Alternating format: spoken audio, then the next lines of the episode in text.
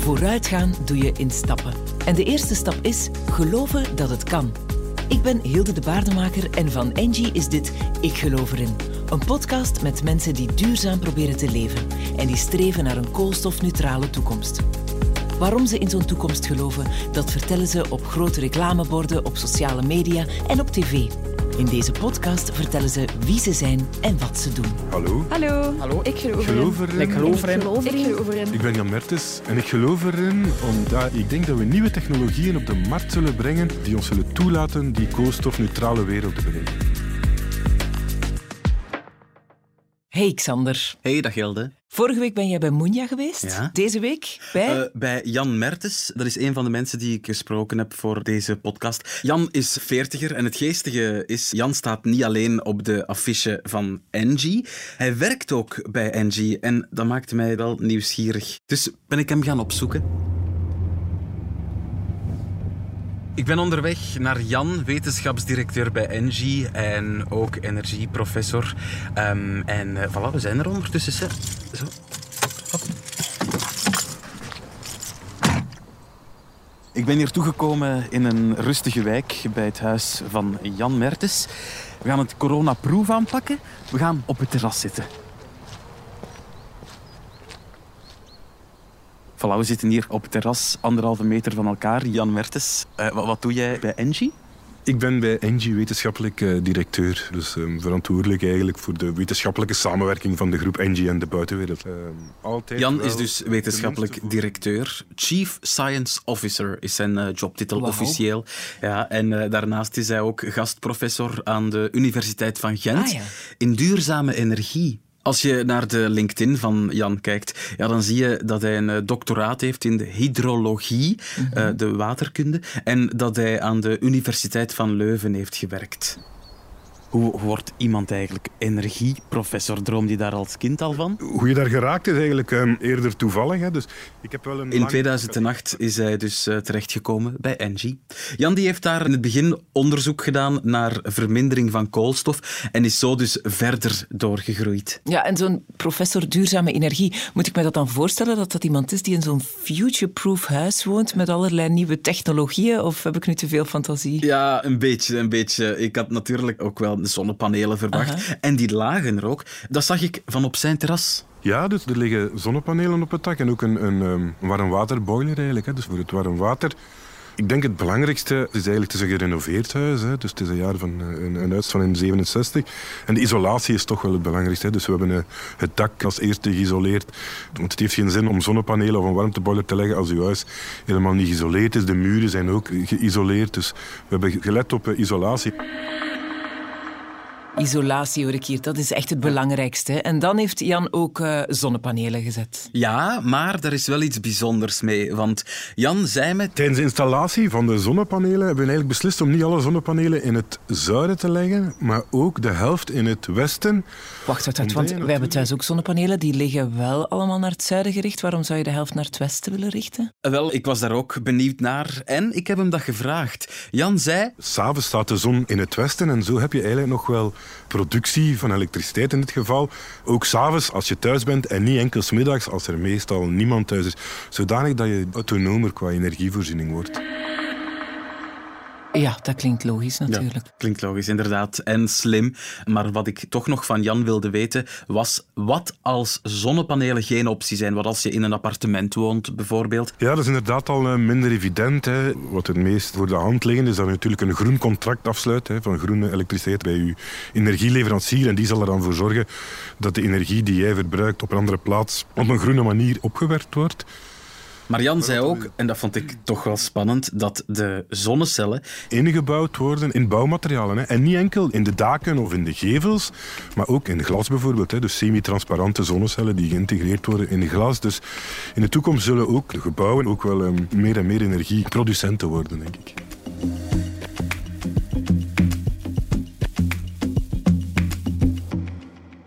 Gebouwen als energieproducenten, dat klinkt zo futuristisch. Ja, echt hè? ja. en wat ik mij dan ook afvroeg was, hebben we het dan ja, niet over een heel verre toekomst? Een toekomst die nog vele tientallen jaren van ons af ligt? Maar nee, zei Jan. Eigenlijk helemaal niet. Eh, er zijn vandaag al start-ups en zelfs grotere bedrijven die bouwmaterialen aanbieden met geïntegreerde zonnecellen. Hè.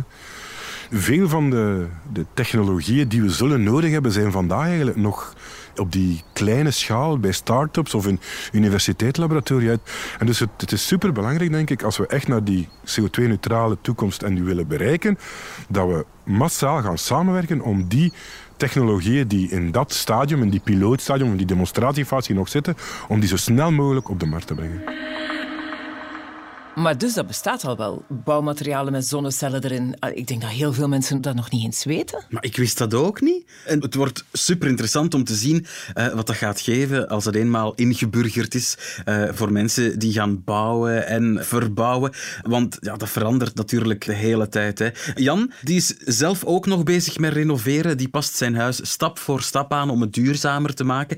Hij heeft zonnepanelen. Hij heeft zijn huis super geïsoleerd. Wat nog? Goh, ik denk qua isolatie zijn we wel um, rond. Qua productie van energie en elektriciteit voorlopig ook, denk ik. Op termijn hoop ik wel van onze gasboiler te laten vervangen door een warmtepomp.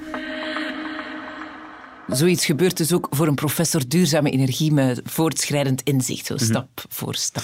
Ja, het blijft een investering, hè? Ja, waarschijnlijk ook letterlijk. Ja, wel, iets wat je vaak hoort zeggen is duurzaam is duurder. Maar is dat ook echt zo? Dat heb ik aan Jan nog gevraagd. Ja, nee, ik denk dat dat klopt in het begin bij de doorbraak van de technologieën. Dus vandaag de dag is dat inderdaad nog het geval bij elektrische auto's. Maar vandaag de dag is zonne- en windenergie goedkoper eigenlijk dan elektriciteit uit gas of uit steenkool. Ja, dat is waar. Dat is eigenlijk met veel dingen zo. Hè. Als het pas op de markt is, is het heel duur, maar na een tijdje wordt het goedkoper en kunnen mhm. veel meer mensen zich dat veroorloven. Ja, maar wat ik mij dan afvroeg was, wat is nu het beste? Maak je nieuwe duurzame technologieën goedkoper? Of zorg je ervoor, of de overheid dan, dat de minder duurzame technologieën duurder worden? Ik denk dat we moeten hard werken om de hernieuwbare, de groene technologieën goedkoper te maken.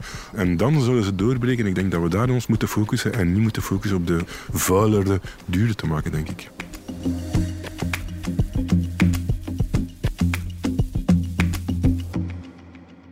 Jan is een optimist, hè? Maar ja, dat viel mij ook op toen ik hem naar de klimaatopwarming vroeg. Ja, de klimaatopwarming is een enorme uitdaging waar we voor staan. Hè. Dus we hebben in 2016 met alle wereldleiders in Parijs, hè, dus de COP21, afgesproken dat de klimaatopwarming niet meer dan 2 graden mag bedragen. Nu, recente rapporten tonen aan of waarschuwen toch dat het 5 voor 12 is. Hè, en zijn eigenlijk eerder pessimistisch dat we er misschien niet zouden geraken. Dus ik ben eerder optimistisch. Ik denk als we kunnen samenwerken en nieuwe technologieën versneld op de markt brengen, dat we die rapporten misschien toch kunnen tegenspreken. We hebben het verleden al gedaan eigenlijk met, met zon en wind. Hè. Dus de prijzen zijn veel sneller gedaald dan wat voorspeld was. En zodanig dat we die rapporten van tien jaar geleden eigenlijk vandaag kunnen tegenspreken. Ik durf te denken dat we Natuurlijk, dat... hebben wij niet in de hand. Hè. Jij en ik, wij ontwikkelen die technologieën niet. Maar ehm, wat kunnen wij op persoonlijk vlak doen? Oh ja, meer dan we denken hoor. Uh, het gaat niet alleen over zonne- en windenergie. Het gaat ook over kleine dingen. Maar wat je zelf natuurlijk nog kan doen, is kijken naar je aankopen en proberen die wat duurzamer te maken ook. Hè. Voeding bijvoorbeeld is nog belangrijk. Hè. Ehm, voeding met minder plastics bijvoorbeeld is wel een goed idee, denk ik. Absoluut, ik let daar ook op. Allee, zo bananen of komkommers met plastic rond, dat is toch echt voor niks nodig? Ja, als we die nu eens allemaal zouden laten liggen en enkel de komkommers en de bananen zonder een plastic jasje kopen, of enkel bio, want dat is duurzaam. Het is niet enkel bio, hè, zou ik eh, durven zeggen, maar ook misschien eerder gericht naar lokaal. En ten tweede ook seizoensgebonden. Dus seizoensgebonden fruit en groenten, denk ik, maken ook een groot verschil. Want natuurlijk, een, eh, een bio-citroen uit Chili is misschien niet de duurzaamste fruit om te eten. Ik, ik ben Nee, je koopt beter lokale groenten en fruit dan biologisch dat van heel ver moet gaan komen. Ja, dat is het beste. Hè. Dat en, zegt Jan, beste advies is dat we echt moeten samenwerken buiten bedrijfsgrenzen, buiten landsgrenzen, buiten alle grenzen om die technologieën die vandaag nog in die labo's of die start-ups zitten, om die zo snel mogelijk samen op de markt te brengen. samen voor een betere toekomst. Ja, dat lijkt mij een strak plan. Wat is u nu eigenlijk vooral bijgebleven van het gesprek met Jan? Ja, dat de toekomst er precies toch sneller zal zijn dan ik dacht. Ah, ja. Jan die volgt echt super interessante projecten op. Een van de dingen die hij vertelde bijvoorbeeld ging over een lokale energiecommunity. Een lokale energiecommunity. En wat is dat dan? Wel, het idee is om energie die je zelf te veel hebt uit te wisselen met je buren. Eh, Ah. stel, je hebt zonnepanelen. Wel, Ja. niet stel, want jij hebt er. Ja. Maar je buren niet. En eh, zij hebben bijvoorbeeld een batterij. Smiddags ben jij gaan werken en je buren die werken thuis. Eh, Ja. dan, dan kan je een deal sluiten, zodat zij jouw elektriciteit kunnen stockeren of gebruiken. Handig. Ja, ja, en dat is nog niet alles. Een andere buur die heeft dan bijvoorbeeld een elektrische auto. Die autobatterij die hoeft hij niet alleen voor zijn auto te gebruiken. Hè. Een auto staat het grootste deel van de tijd stil.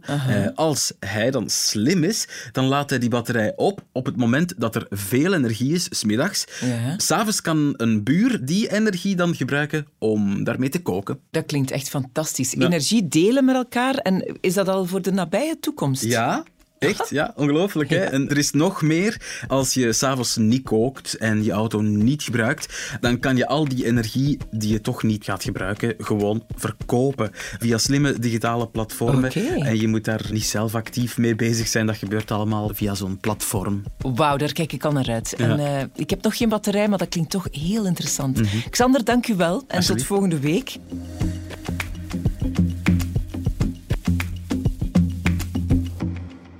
Ondertussen is Paul er weer bij komen zitten. Paul, jij bent onze energie-expert bij Engie. Heb jij zonnepanelen op je dak? Ja, absoluut. Ik vind dat echt een heel duurzaam eh, gevoel. Ja. We hebben zelf heel veel al gedaan om ons huis zo ecologisch mogelijk eh, te maken. Maar dit was voor ons echt de kers op de taart. hè. Dat we zelf voor onze energie voor een stuk zouden kunnen instaan. Ja, dat is fijn, hè? dat vind ik ook. Kan je de voordelen van zonnepanelen nog eens op een rijtje zetten voor de luisteraars die er nog geen hebben of die misschien overwegen om er te nemen? Ik denk het eerste belangrijkste is eigenlijk de prijs. hè. De zonnepanelen zijn in 20 jaar tijd eigenlijk vier keer zo goedkoop geworden. hè.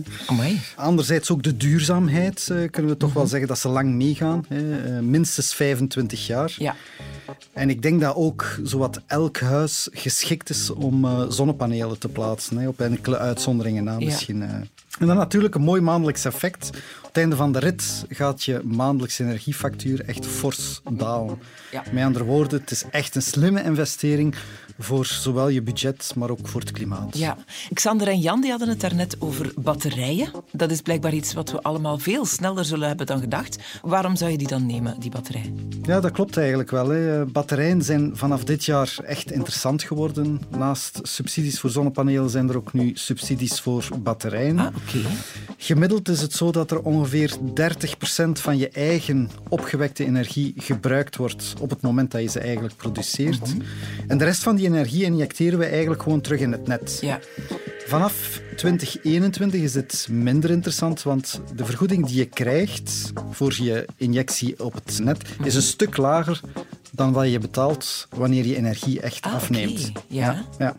En met een thuisbatterij wordt het mogelijk om tot wel 75% van je eigen productie te gaan gebruiken. Oké. Ja. Ik denk wie vandaag zonnepanelen plaatst, kan toch wel best beroep doen op een batterij. Hè, om op die manier zoveel mogelijk je zelf geproduceerde energie te gebruiken. Ja. Want uiteindelijk je eigen energie verbruiken is rendabeler dan deze op het net Op het te injecteren. Ja, inderdaad. Ja, tuurlijk. Oké, oh, dan moet ik een batterij hebben, denk ik. Dank je wel, Paul, voor deze tip. Graag gedaan. Dit was Ik Geloof Erin, een podcast van Engie. Vond je deze podcast leuk? Abonneer je dan via je favoriete podcast-app. Beluister ook zeker de vorige aflevering met Moenja. Dankjewel voor het luisteren en tot de volgende keer.